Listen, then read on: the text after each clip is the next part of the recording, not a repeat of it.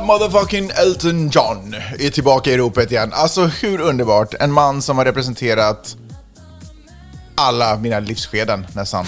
Alltså, han har ju funnits med... varit med i dem eller har representerat dem? Nej men det, det, finns, det finns en låt för varje decennium som jag har levt. Ja. Som han har gjort ungefär. Eh, jag tycker det är så jäkla kul att, för jag tänkte att ja, men det är ju ingen ungdom längre. Han är över 70 år, 74 bast att han är. Eh, så det var ju inte, det var inte en låt jag trodde jag skulle höra igen. Nej, men Så så, det bara, kul. man minns dagen när det dyker han Ja, upp. fucking och- Elton. Han förtjänar Den är det. ju otrolig, den här låten. Den är grym, Cold Heart.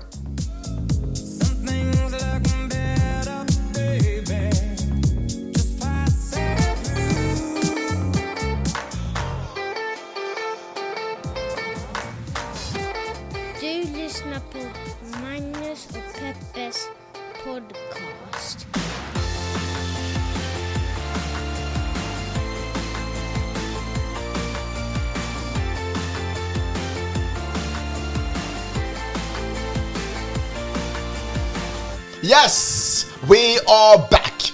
Hjärtligt välkomna till podcasten som heter Magnus och Peppes podcast. En podcast där vi pratar om stora och små händelser i världen och så gör vi det ur ett journalistiskt, feministiskt och ett sjukt intressant perspektiv.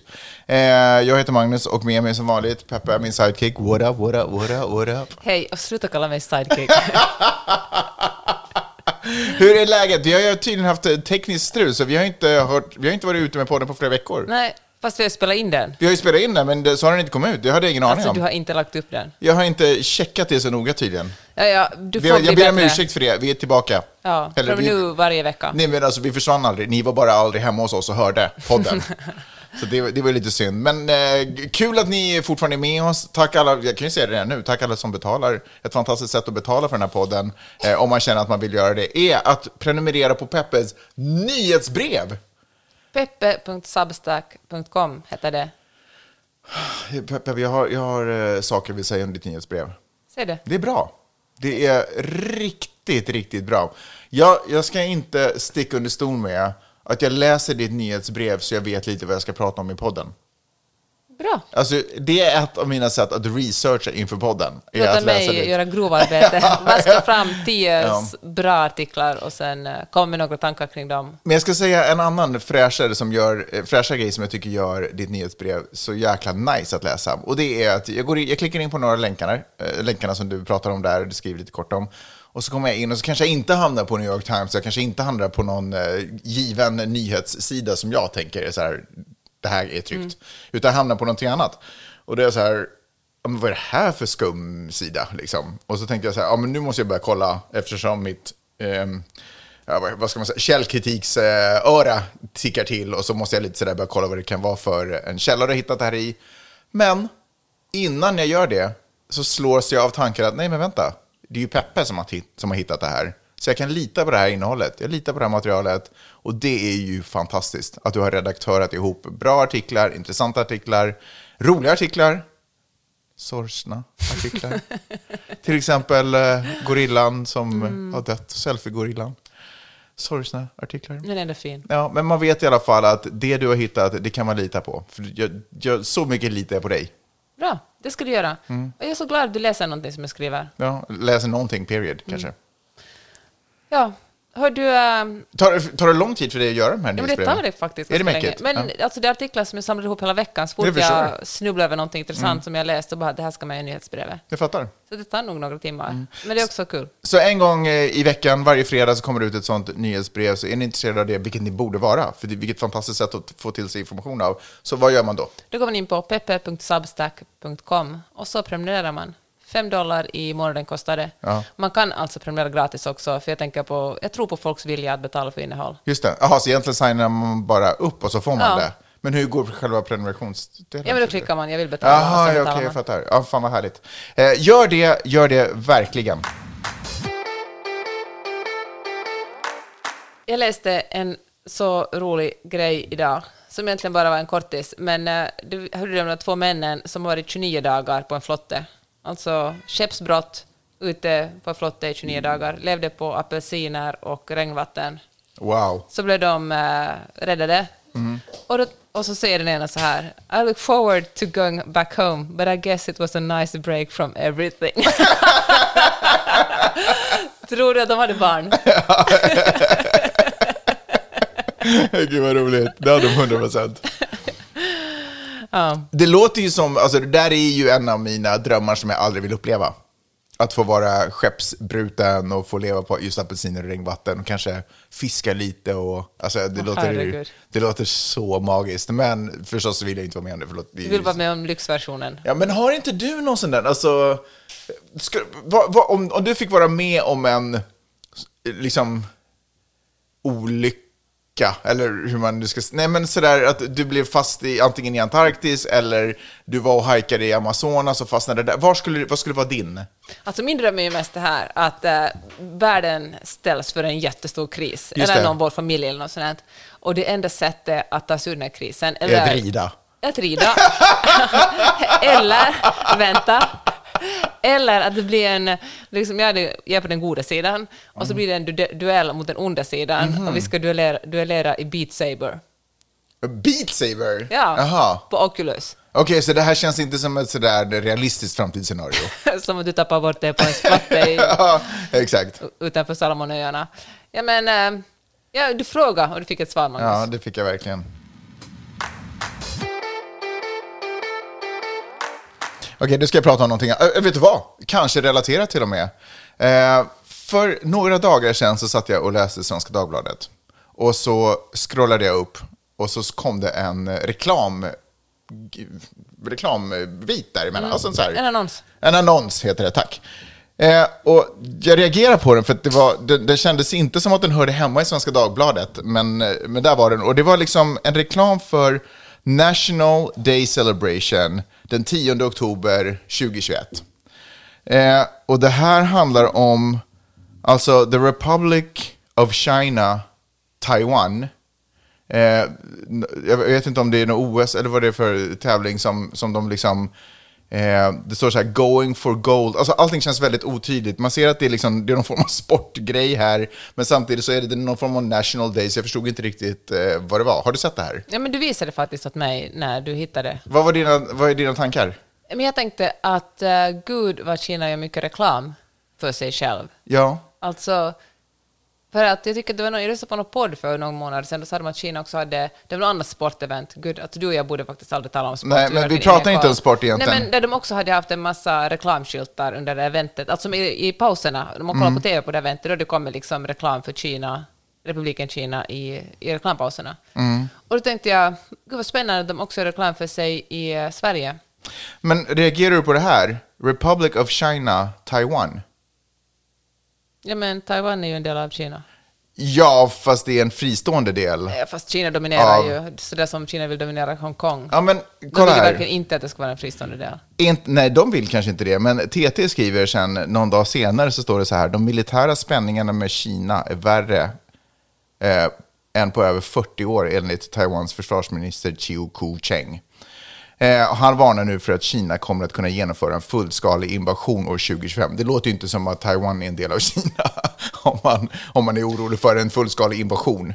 Ja, men du tänker så här alltså att, att Kina bäddar, bäddar just nu för att folk ska förstå att Taiwan är en fullskalig del av Vet du vad, det är så många saker som jag tycker är superunderligt. Jag tycker överhuvudtaget att det känns konstigt när det kommer eh, reklamgrejer från nationer Men vadå, som Visit Sweden?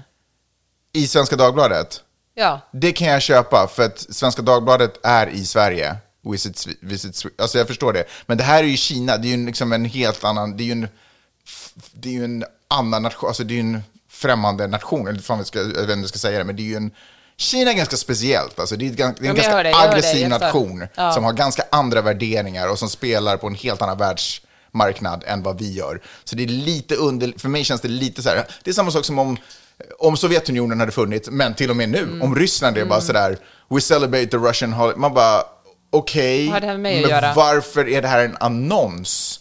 I, köp på, jag vet inte, det är någonting... fast alla, alltså, alla länder har ju någon slags eh, reklam för sig, som, om man vill Ja. att man ska komma dit och spendera sina pengar där.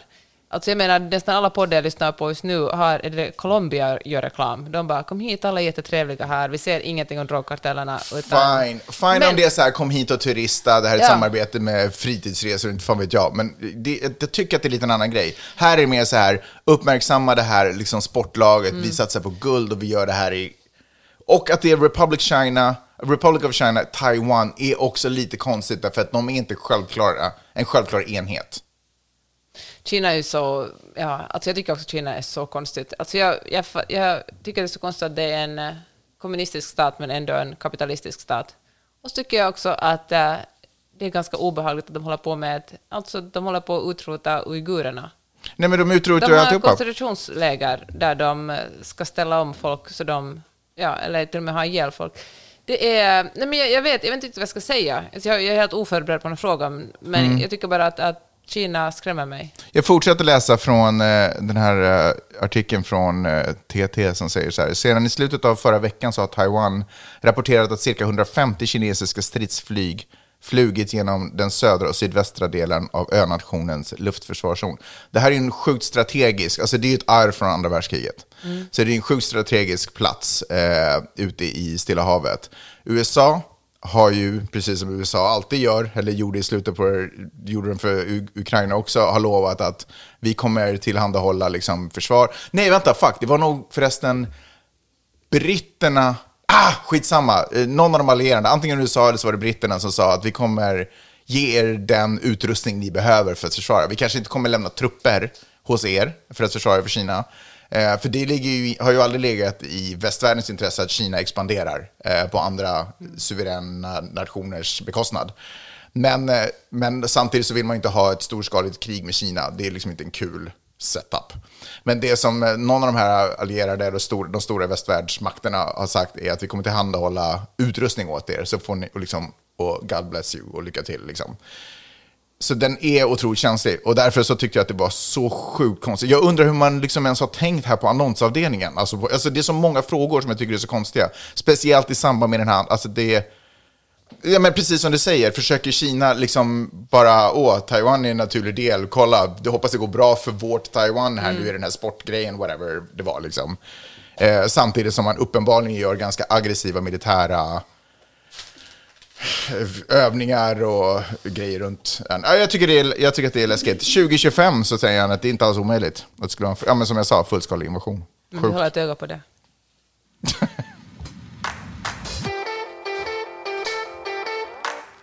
Det här skulle inte vara vår podd om vi inte skulle tala om Facebook. Nej, Du vet hur, hur starkt mitt hat gentemot Facebook brinner. ja, jättekonstigt att det är så starkt. Ja, Det bara växer sig större för varje vecka som går. Och jag kan känna en viss eh, skadeglädje, vilket är jättedumt, för det går inte alls dåligt för Facebook. Alltså, de har ett litet PR-problem just nu, men att de kommer ju att... eh, Men det går bra. Det går bra Det har de ju haft sen. Alltså är inte grunden av Facebook ett PR-problem? Ja, Alltså de har ju haft problem med det, skitsamma. men de har ju klarat sig undan alla gånger. Men de har väl också en miljard följare, typ? Alltså har inte de typ tre miljarder Ja, följare? en miljard, Ja. tre miljard. Ja, men alla är där. Men problemet är ju det att, alla, att det är fullt. Ja. Liksom det, eller det är inte fullt, men det finns ingen mer som vill komma med eftersom kidsen har gått Nej, vidare. Och det ju därför de ville satsa på Instagram för barn, som nu tydligen inte var så bra idé. Men eh, alltså, jag vet inte riktigt hur mycket vi ska snacka om det här, om, om alla har stenkoll på Frances eh, Haugen som har jobbat på Facebook ett par år. Hon är ju... Kör det lite kort. Det var en Okej. intervju på eh, 60 minutes som Just egentligen det. fick allting att explodera. Ja, eller egentligen gjorde Frances Haugen, en, en 37-årig kvinna, supersmart, har gått på Harvard och liksom jobbar på Google och Pinterest. Vad hade hon och gått hjälp på? På Harvard. Harvard. Jag tyckte så här, Howard. Howard. Som är alltså ett Hogwarts. klassiskt... Hogwarts. Nej, Howard det är ett klassiskt svart eh, universitet här i USA. Howards? Ja. Jaha, jag hade ingen aning. Okej. Eh, I alla fall, supersmart kvinna som eh, hade under några år jobbat på Facebook och uh, kommit fram till att eh, det är inte så snyggt det som sköts här. Alltså saker sköts inte så bra här, utan fa- Facebook lägger alltid sin egen vinst framför etik och moral. Alltså, efter, efter valet så var de sådär ”Huh, det, det gick ju bra”, fast efter alltså, amerikanska presidentvalet, trots att eh, det kom fram väldigt tydligt att eh, det var på grund av Facebook som, eh, som, folk, som det sprids en massa missinformation om bland annat Hillary Clinton och Demokraterna och uh, osanningar. Och eh, jag menar, Facebook var också delaktig i folkmordet i Myanmar. Det, har, det är ingenting som jag hittar på här, utan det finns verkligen bevis på det. Men Alltså det- de skickade inte dit folk och var delaktiga i kriget. Nej, men de lät eh, missinformation spridas på sin plattform. Och när Facebook har blivit kritiserad för det här tidigare så säger de bara så att men vi är bara en oskyldig plattform, vi kan Mm. inte bestämma vad folk gör. Och uh, vi, yttrandefrihet, folk kunna, vi kan inte börja liksom bestämma och säga det här är rätt och det här är fel. Samtidigt som man anställt allt fler människor för att verkligen liksom gå igenom vad som, att det inte sprids porr eller mord eller, liksom, eller osanningar. Men det är ju anmärkningsvärt att de är väldigt aggressiva när det kommer till kvinnors bröstvårtor, men sen låter man eh, eh, saker som kan leda till folkmord och som blåser upp och som äger upp folk i, till folkmord, det kan man passera. Det Ja, det liksom, man- Då kommer inte den stora censurknappen på. Liksom. Nej. Och, eh, och det som också är För då är det intressant... fri, fri, ta, vad heter det, fri yttrandefrihet. Och Mark Zuckerberg har varit uppe i kongressen för att vittna flera gånger. Och ofta har han varit väldigt luddig och varit sådär att jag vet inte, nej men vi gör bara vårt bästa och, och liksom jag har inga raka svar. Och eh, det som skiljer eh, Frances Haugen från Mark Zuckerberg för att hon är en av de första stora, jag ska inte säga att hon var en profil där, men hon jobbade där flera år, så hon har liksom verkligen insikt i hur Facebook sköts. Och hon hade verkligen svar på alla frågor man ville ställa henne, eller som, som kongressledamöter ställde henne. Och eh, det som också hade skett är att eh, tidigare har, eh, det snurrar ju en massa klipp eh, nu, där, där liksom kongressledamöter och senatorer verkar inte ha någon aning om vad de ställer för frågor. Det finns ett ganska roligt klipp där någon senator Ja, frågar just. liksom, vad är Finsta? Do you want to shut down Finsta? Och kan en stackars, en stackars person från Instagram förklara att Finsta är, det betyder att man har ett fake-konto, det är liksom inte en app. Men, men, i, men i alla fall så, så den här gången så hade faktiskt ledamöterna haft mycket mer kunskap, så man fattar vad en algoritm är.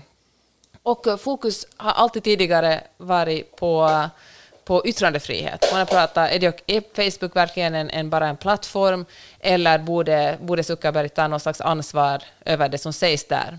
Och eh, det finns en klausul, en lagklausul som nu faktiskt inte minns exakt vad den heter, men där det verkligen står att, eh, att eh, internetplattformar inte kan ta ansvar över det som sägs där, utan individerna som skriver någonting har ansvaret. Men eftersom det heller aldrig har funnits någonting liknande som Facebook förut, något som, som, som spänner över hela Fast, jorden. fast för att avbryta där, för där undrar jag att individerna måste ha ansvar gentemot vem, undrar jag då? Är det polisen som ska kopplas in då om man upplever att någon har skrivit någonting? Men förtal är ju till exempel en sak. Jo, men precis, det är ju en sak, men det kan, ibland kanske inte är så tydligt som att någon Nej. förtalar någon, utan ibland kanske det är bara sådär, jag hörde att det var så här det var. Alltså, Att man eh, kan bli sjuk av vaccin. ja, exakt.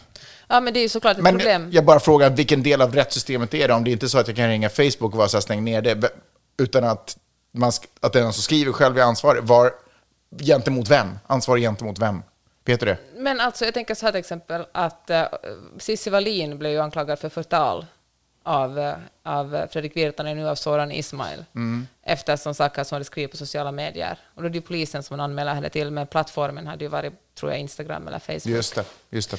Och, eh, men i alla fall, skillnaden är att nu har man lämnat det här yttrandefrihetssnacket, vem får säga vad, för det är ganska luddigt och det är ganska svårt, speciellt i USA, eftersom här är det så otroligt viktigt. Här tror man liksom att, att eller man förstår inte riktigt skillnaden vad censur är och vad yttrandefrihet är. Liksom man tror att yttra- yttrandefrihet är att man ska få säga vad som helst och göra vad som helst och eh, att ens När som helst, om vad som helst. Precis. Men eh, det handlar ju inte yttrandefrihet om. Yttrandefrihet handlar ju om att staten inte ska tysta ner enskilda medborgare. Det handlar ju Bland inte, annat. El, ja, bland annat. Men det handlar ju inte heller om att, att alla människor har rätt till en jättestor plattform att sprida osanningar på. Hur som helst. Så nu har det i alla fall flyttats över till att se hur Facebook egentligen, Facebooks ledning, vad väljer Facebook, hur sköts Facebook, vem är det som bestämmer, vem, vem har någon insyn? Till exempel har man ganska bra insyn i hur Google sköts. Google är också en jättestor plattform det sprids en massa skit och inte skit. Men där har man en helt annan sorts insyn. I Facebook har man aldrig någon insyn. Det är att, att Frances Haugen lyckades få ut enormt många dokument som hon sen gav till Wall Street Journal. Det var inte första gången hon pratade ut i, i uh, 60 minutes, utan det här grundar ju sig på en intervju som, eller på uppgifter hon hade till Wall Street Journal. Då var hon anonym, men så kom hon ut och liksom med eget namn i, i 60 minutes. Just det. Men nu måste det att är det verkligen, är det verkligen eh, ska en sån här otroligt mäktig organisation som Facebook som verkligen spinner över länder, som påverkar demokratier, som påverkar folkmord, som påverkar kvinnor, alltså en av de st- största sakerna som vi också pratade om i podden för några veckor sedan är att tonåringar, speciellt eh, tjejers eh, mentala ohälsa, liksom, alltså ätstörningar sprids. Det är liksom ett, en väldigt aggressiv app. Ska det, vara- vem har ansvar för det här? Och, eh, och de kom fram till att det är liksom ohållbart som det är. Och, det är ohåll- och Facebook tjänar ju också... Och, och hela liksom, Facebook tjänar ju enormt mycket pengar och hela systemet bygger ju på att man är där så länge som möjligt, både på Instagram och Facebook. Och eh, att för att stanna så länge som möjligt på, på liksom den här sidan, det här kanske alla vet, men jag säger det i alla fall, sprider man sånt som engagerar folk. Alltså du, om man har varit lite intresserad av att sprida grejer på Facebook vet man att det är någonting som får folk att reagera delas den ännu mer. I, det- i allra första början var det ju en ett kronologiskt flöde. Och du skrev någonting på morgonen kom det exakt samma tid upp som mig. Nu har algoritmerna gjort att det som algoritmerna tror att jag är mest intresserad av ploppar upp. Det som jag har pausat lite för, det som jag klickar ja. Eller det handlar inte om det som jag gillar utan det handlar bara om det som jag liksom har tittat lite extra länge på. Men det var till exempel, den här Francis Haugen framför när hon vittnade om det här sa hon att hon vill, liksom inte, hon vill inte ta ner Facebook över större Facebook, men hon sa att en konstruktiv skillnad kunde helt enkelt vara det att man såg över algoritmerna, hur de funkar, och helt enkelt hade ett kronologiskt flöde istället för att ha ett, ett flöde som bara baserar sig på att man får mer, att man liksom stänger in sig själv i någon slags äh, vad heter det, en, en echo chamber, en liksom egen bubbla, där bara får bekräftelse på det som man tycker och Lite mer som det var förut. Ja, de allra första åren. Men, eh, men ifall det skulle bli så här så skulle det ju också fucka upp hela Facebooks eh, ekonomi. Eller inte ekonomi, men liksom, de skulle bli mycket mindre lönsamma.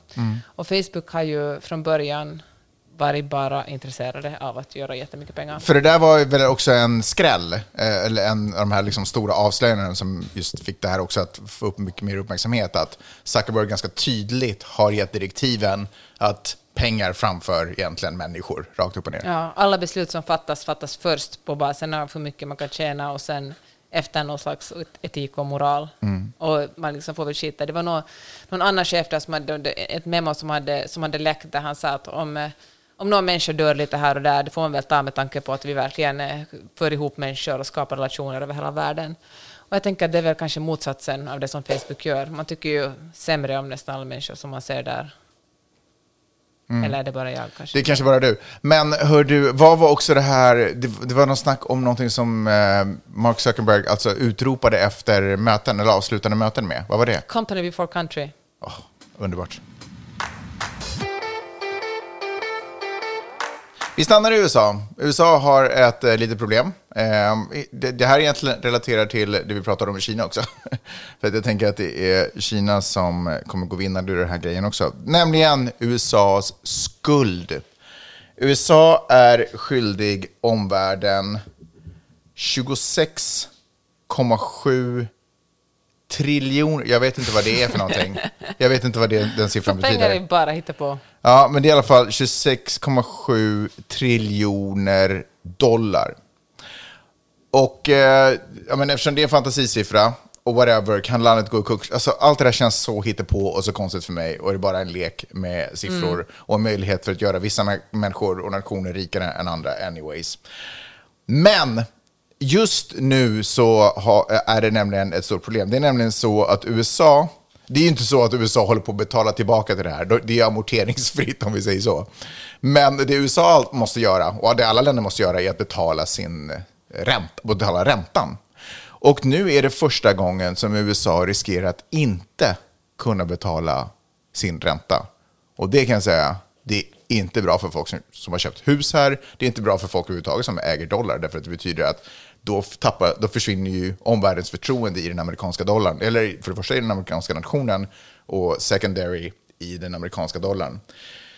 Så man vet inte riktigt vad man ska göra. Det finns olika sätt. Eh, kongressen håller på och försöker få, eh, ge, få tillstånd att höja lånetaket så att USA kan låna till att betala tillbaka. Men är inte det här någonting de gör varje år, eller flera gånger om året? De har gjort det massvis med gånger, har de höjt, eh, så har de höjt lånetaket. Det var det att nu är Republikanerna inte riktigt lika måna om att ge Demokraterna, den, här, eller den sittande regeringen, möjlighet att höja. För det sätter dem naturligtvis i, i skiten, rakt upp och ner. Eh, det finns en annan lösning, och det är nämligen att trycka upp ett eh, mynt, Mynt. som skulle vara värt tusen miljarder dollar. Och om, de, om det myntet finns, då finns liksom en garanti om att USA, och då kan USA liksom låna av sig själv. Men herregud, alltså det här som Joakim von Ankas uh, lyckopeng. Exakt. Nu tror inte jag att det där myntet kommer skapas, men, men det bara visar hur, hur, hur vi- hittepå allt det här är. Men det där är väl en sån här lösning som man kan hitta på vet du, i högstadiet. Någon bara, varför trycker ni inte upp mer pengar då? Mm. De bara, ja det gör vi, vi trycker upp ett mynt och Ja. så är det. Men, och, och svaret på den frågan, alltså det riktiga svaret på den frågan är att de, man kan ju inte hålla på att trycka upp mycket pengar som Nej. helst för då skapar ju naturligtvis inflation, för då, förs- Ja, ja, då försvinner ju värdet på alla Men pengar. alla över 15 vet väl det. Eh, Exakt, men om man skapar det här myntet som egentligen ingen kommer kunna använda, då blir det på något sätt en garant för, för ett värde som landet har och då kan man liksom låna på, den, på det Men kan man myntet som trycka upp säkerhet. liksom 100 sådana mynt då? och sen är bara det löst för all framtid. Alltså, men det är ju verkligen super, super konstigt. Men samtidigt så, jag menar, och allt det där är ju skoj och, och det kommer ju säkert lösas på något sätt. Men jag tycker ändå att när jag läste det för första gången så tycker jag att det är ganska anmärkningsvärt att USA står i en sån desperat situation att man kanske inte kommer kunna betala, betala sina lån till omvärlden. Alltså det vore katastrofalt för det här landet om, eh, om USA plötsligt sjunker. USA har redan nu sjunkit på liksom, det globala, det globala kreditbolagens ögon. Att det inte är fullt så pålitligt. Sverige ligger till exempel högre som, som belånare, eller trovärdig belånare, än vad USA gör. Men det är ju katastrofalt om man inte kan betala sina skulder, som huvudsakligen säkert går till Kina. Men, men det gissar jag bara. Åh, herregud. Men vad ska hända med oss då? Blir det mayhem här? Kan jag äntligen få börja rida omkring då? Det kommer, då kommer du få rida omkring. Jag alltså, tänker att det kommer bli ypperlig, eh, ypperligt tillfälle att till exempel köpa ett boende. Om det är så att USA inte har möjlighet att betala sina lån, eh, förtroendet till dollarn sjunker, vi sitter inte på så mycket dollar, vi sitter mest på kronor och euron, så det kommer bli fantastiska tider. Räntorna kommer naturligtvis skjuta, alltså det kommer bli kaos liksom. Jag älskar din optimism. det finns alltid, men är det inte så, det, är det inte det som rika människor alltid har gjort, att man har skott sig på katastrofer Ja. och eh, de vanliga människans dåliga tider? Det kommer vara förödande för Är vi rika människor alltså i det här scenariet? Nej, men vi står ju utanför den amerikanska Mm. ekonomin, så vi är ju inte rika på det sättet, men vi är åtminstone inte påverkade. Vi, alltså, oss Gud, jag älskar att ta sådana goda nyheter rakt i podden. handlar om vår privatekonomi. En av de eh, mest sådär, jag vet inte om det är typ relaterat, men jag kommer att tänka på när eh, den stora guldruschen i USA på slutet av Det Mm. tänkte jag också på när du började prata om det här. slutet av 1800-talet. Så då var det ju förstås massvis med människor från hela världen som liksom flockades till San Francisco och liksom södra Kalifornien och alltihopa i hopp om att liksom hitta guld. Och naturligtvis så var det ju liksom noll procent som typ hittade guld verkligen. Åtminstone guld som de sen kunde skapa en ny framtid av. Sådana mängder. Men de som gjorde de riktiga pengarna eh, i all den här misären av människor som kom hit och bara skapade ett vilda, vilda västern och bara hade ihjäl varandra eller dog var utmattade och utfattiga i en jävla gruva någonstans. Det var de som sålde hinkar och hackor och spadar och sådana här guldvaskgrejer. Eh, Mat och logi säkert också. Mat och logi säkert också. Men de som verkligen, ja, Mm. alltså att sko sig på andra människors desperation och olycka. Det är ju verkligen the American dream, nyckeln till framgång. Mm. Gud vad deppigt.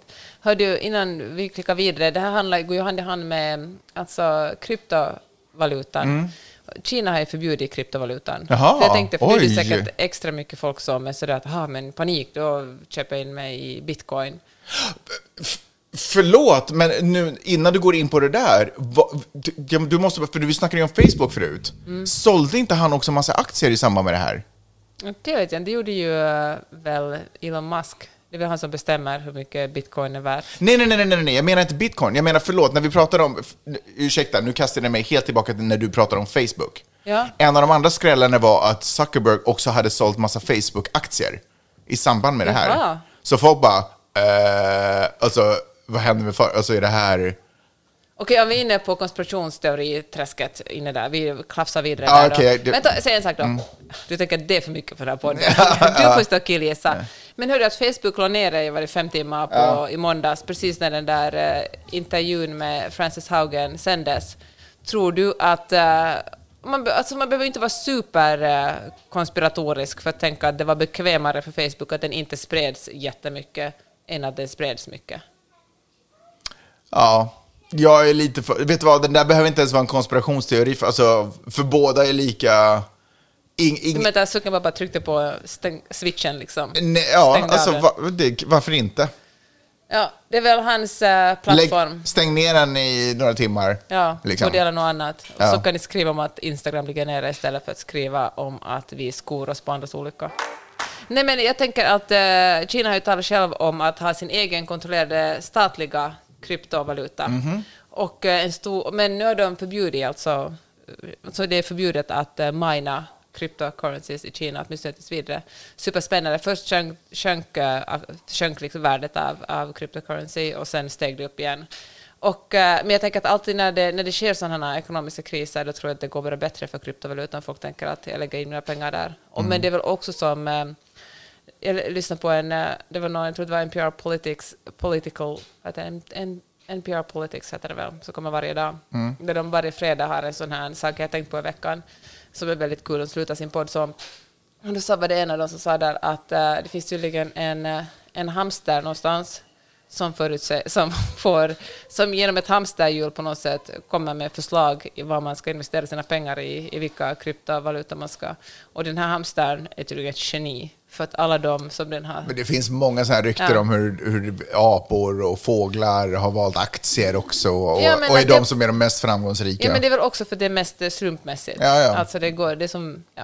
Hur som helst, men då tänkte jag så här att nu om det är skakiga tider kommer det att gå bara bättre för uh, kryptovalutan. Och, eh, men jag kan verkligen också känna ett sånt genuint hat. Det är nästan Facebook och kryptovaluta går hand i hand. Jag fattar liksom att bakom båda är tanken god. Facebook bara, vi för ihop människor.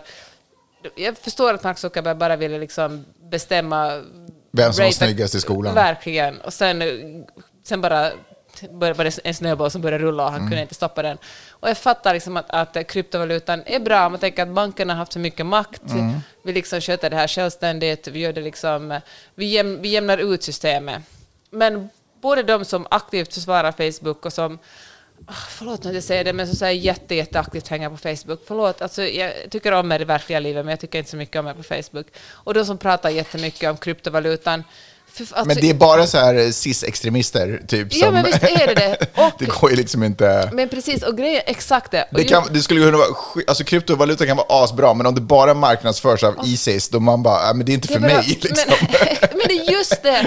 Alla som talar om kryptovalutan är vidriga människor. Ja. Alltså, eller alla som förespråkar kryptovalutan är vidriga människor. Typ. Och nu hade Associated, AP, alltså hade, Associated Press, hade en artikel om, som bara bekräftar det här, att The Daily Stormer, du vet den här nazistwebbsidan, Mm. de gör alla sina transaktioner i kryptovalutan, för där kan man, det kan man ju inte spåra. Nej. Och det är liksom droghandel, höga konspirationer som finansieras med kryptovalutan, människohandel, liksom alla sådana som säkert supermycket bra också, men sådana såna transaktioner som man helst inte vill alltså gå och spåra eller Exakt. ligga Så om det är så jävla bra för demokratin, det här med kryptovaluta, Ja. det kommer sig att det är bara antidemokratiska rörelser som använder sig av det, som gynnas av den. Ja, liksom. okej, kanske inte bara. Nej, det finns också ändå. annat folk där. Men, eh, men det, det, det måste finnas någon form av liksom, lite ö, ö, liksom det måste insyn och översikt. det. Och för att inte tala om klimatfrågan, alltså kryptovalutan är ju en enorm miljöbov. Alltså det är ju... Ja, dollar har inte hjälpt miljön heller, historiskt. Alltså kanske att trycka upp dollar, men jag menar bara alltså jag menar det kommersiella Men det ju- men- kapitalismen. liksom. Men okej, men det är lite flummigare att säga att kapital... Klart att ju mer pengar vi har, desto mer slösar vi på klimatet, men alltså kryptocurrency, alltså kryptovalutan, när man minar det så går det enormt mycket energi till det. Alltså sin, och det är ofta, det faktiskt, nu vet jag inte hur det är faktiskt när Kina har förbjudit transaktioner, men tidigare gjordes det mest i Kina, och eftersom Kina har den billigaste elen, eftersom de har billig kol, och kol är ju en fossil Och eftersom de har asmycket hamstrar också, som springer omkring i djur och Precis. driver det här. Ja, djurplågare också är de. Jag ställde en fråga på bloggen häromdagen om eh, folk har kompisar av motsatt kön. Alltså om killar, om tjejer har killkompisar och killar har tjejkompisar. Så Det läser bara kvinnor som läser min blogg. Var det här en fälla för att prata om transgender, eller vad var Nej, det det här? var ingen fälla. Jag var bara... Nej, men det, Jaha, så nu är alla tjejer... Nej, det var verkligen ingen fälla alls. Men det har kommit till min kännedom att det inte alls är okej i alla relationer. Nej. Och på basen av folk som svarar där är det faktiskt inte okej. Det är väldigt få som har kompisar av annan könstillhörighet. Men eh, är, din stat, är din, eh, den statistik du har samlat in, kan du på något sätt också eh, i demogra- alltså, så åldersdemografi ruta in allting? Ja, tydligen är det så här att efter att man... Folk över 70 hatar när deras partner har vänner i andra, av det andra könet.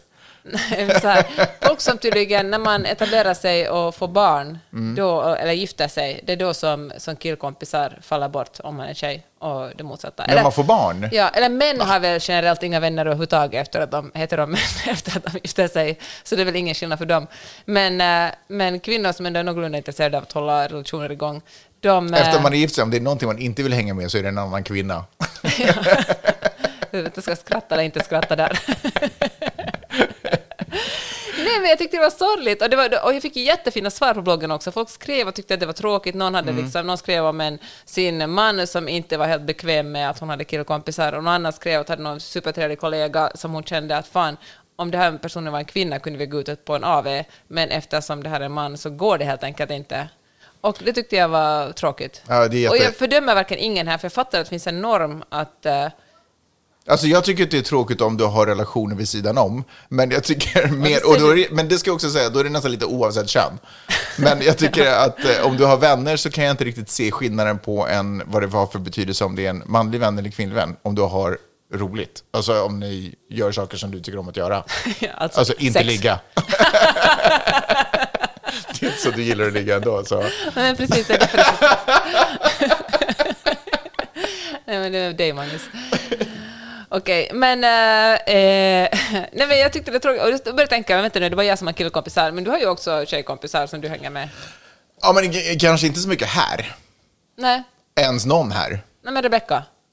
Okej, men vi hänger, det är inte så att du bara, "Ja, ska du vara med Rebecca igen? Nej, det, okej, nej. det är kanske två gånger om året som vi ses. Ja, men du oftast är dina andra kompisar då? Ja, men du träffar ju ingen. Ja, män nej, träffar men ju inte nu, andra män. när vi är i Finland så då ser jag ju någon Ja. vän där på små timmarna. Ja. Okej, men jag tycker i alla fall att det är jättefint att du har vänskapsrelationer. Fast det spelar väl ingen, alltså, ja, nej jag vet inte. Vad, är- vad är det folk säger, att, vad, är, vad är problemet att Nej, känna? men- Det, det, för det, folk är rädda att de är otrogna, att det måste ju vara det Ja. som är knaset. Liksom. Och jag tror att man också- inte kan vara kompis med Nu talar kön. jag på basen av vad jag själv tror, alltså Mm. på basen vad jag läste ut av de här kommentarerna. Att det finns helt enkelt en norm, det är så här, vad ska folk tycka? Vad ska folk tycka om jag går liksom och träffar den här personen? Och speciellt är det människor som man har träffat. Eller kanske sitter ute och blir sedd med den här Precis. personen. Nej. Just det. Eller så här att om man, eh, att det är tydligen mer okej att ha en kompis från, om man, det är en gammal vän som man kände innan man gifte sig med någon annan. Att träffa liksom nya kompisar av motsatt kön efter att man är gift och har fått barn, det, liksom, det uppfattas inte som okej. Mm. Och, det, och verkligen, jag vill inte skuldbelägga någon här, jag tycker det bara är synd att det är så. För mig tror jag att det är kanske lite mer en åldersfråga. Jag tror att det hade varit större problem för mig om jag hade varit yngre. 20-årsåldern, kanske till och med upp till 30. Nu är jag för gammal för att bry mig. Alltså, men, för, men jag kan ju nog se problemet, för ett problem också med riktigt goda vänner, alltså folk som man verkligen tycker om, är ju att man kan vara ganska nära dem också. Jag menar, man, man, det kan vara kramigare, alltså det kan ju vara liksom, det kan ju se, jag kan förstå att det kan se weird ut för någon som går förbi. När jag, ligger, sitter och- när jag sitter och hånglar med Tessan. På en, men vi är bara kompisar. och det är ju ändå en kaffe, en kaffe emellan oss. Ja. Nej, men förstår du vad jag menar? Alltså jag kan förstå, ja, men, men jag tänker att det är också en det måste ju vara en trygghetsgrej och Nej, en åldersgrej. tvärtom, tvärtom sa folk att det var lättare när de var yngre, det blev svårare med åldern. Jaha. Ja, där ser man. Där ser man, men... eh, Vad, ja. Har du dragit några slutsatser av den här fantastiska empiriska undersökningen? Ja, det är verkligen ingen empirisk undersökning. Ni som lyssnar på den här podden får jättegärna DMa eller mejla oss och säga hur ni har det, för att jag, jag, kanske gör en ordentlig undersökning av det här nu. Har du, tycker du att det är konstigt att jag har tjejkompisar? Absolut inte. Har det någonsin varit sådär, är de kompisar? Nej. Nej, faktiskt inte. Nej. Men jag är faktiskt inte så... Jag, jag är liksom ganska naiv. Jag tror liksom att... Jag, folk har säkert varit otrogna mot mig, alltså tidigare pojkvänner, Mm. Utan att jag riktigt har fattat det. Tror jag. För jag tänkte, vem skulle vara det mot dig? Ja, men precis. Du är ju intressant på det sättet att jag har ju inte heller, eh, alltså jag litar på vår relation, så jag har inte heller reagerat på dina killkompisar. Men däremot har ju folk runt omkring dig reagerat på dina killkompisar mot mig, alltså sådär till mig. Så att de bara, men jaha, ska hon eh, träffa honom? Man bara, ja. Man bara, men hur, känns, hur känner du för det? Och du vet, när någon ställer en fråga, man bara... Vänta, borde jag "Wait, känna något?" Hur borde jag känna för det? Vad, vad vet du som jag inte vet? Gud, vilken gaslighting ändå. Det är lite gaslighting. Men det får man bara svälja och äta upp. Ja, ja. Det, ja, ja. Jag tänker Ja, men man gillar Nej, men folk. alltså, jag kan, jag kan ju inte gå omkring och ha en relation där jag är oro. Alltså, jag måste ju lita på att du fattar vettiga. Det, och det handlar inte bara om kompisar, det handlar om personer du jobbar med, det handlar om uppgifter du tar dig an. Jag måste väl lita på att du är en fungerande människa som fattar en bra beslut för dig och i längden lite för oss. Om jag ska gå omkring och vara orolig hela tiden, så då tar det bort livskvalitet från mig. Jag vill inte ha det. Jag Ja, tänker inte göra det. Och jag tänker så att är man otrogen, är man väl otrogen med, någon, otrogen med någon som inte är ens kompis? Fast det är väl ändå vanligare att man är det med någonting som var en kompisrelation. Okej, nu är jag väldigt färgad av att jag sitter och tittar på Love and Hip Hop Atlanta. Okej, så jag förstår att det jag säger just nu kanske inte rep- riktigt representerar normalt fungerande människor. Men eh, där är det ju bara relationer med liksom folk som jobbar med varandra eller eh, kompisar inom citationstecken. Ja, då är det verkligen stationstecken. Och, eh, ja. ja, jag ville bara vädra den här spaningen. Ja, bra snack Peppe. Vi har inte varit borta, men fan vad skönt det är att vara tillbaka. Ja, så kan jag också känna. Ja, det är så jävla roligt. Peppe, och får jag också bara säga att jag, eh, och jag får ju inte helt osällan den frågan, hur är det liksom att podda med sin fru, alltså dig i det här fallet, Den här frun. den här frun. Eh, och då ska jag bara säga att det jag tycker är så jäkla grymt med det här lilla ögonblicket som vi har en gång i veckan, ish, är att vi får sitta och prata om saker som innan vi hade barn, när vi var nyförälskade, vi kunde prata om politik, vi kunde prata om världsläge, vi kunde prata om saker som intresserade oss eh, samhällsfenomen vad tusan är. Så det är så otroligt nice efter, vad är det, 12 år? Gifta, 13, 14 som hängt.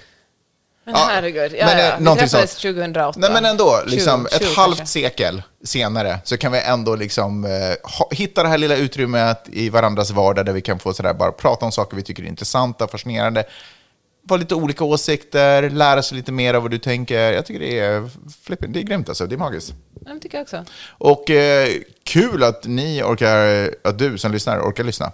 Eh, och att du gör det. Och hoppas att du också får ut, precis som jag, får ut någonting av att lyssna på Peppen och berättar saker för oss. Men det här ska jag säga till er att vi är tillbaka nästa vecka. Det blir verkligen. Vi hörs då. Hej då! Hej då!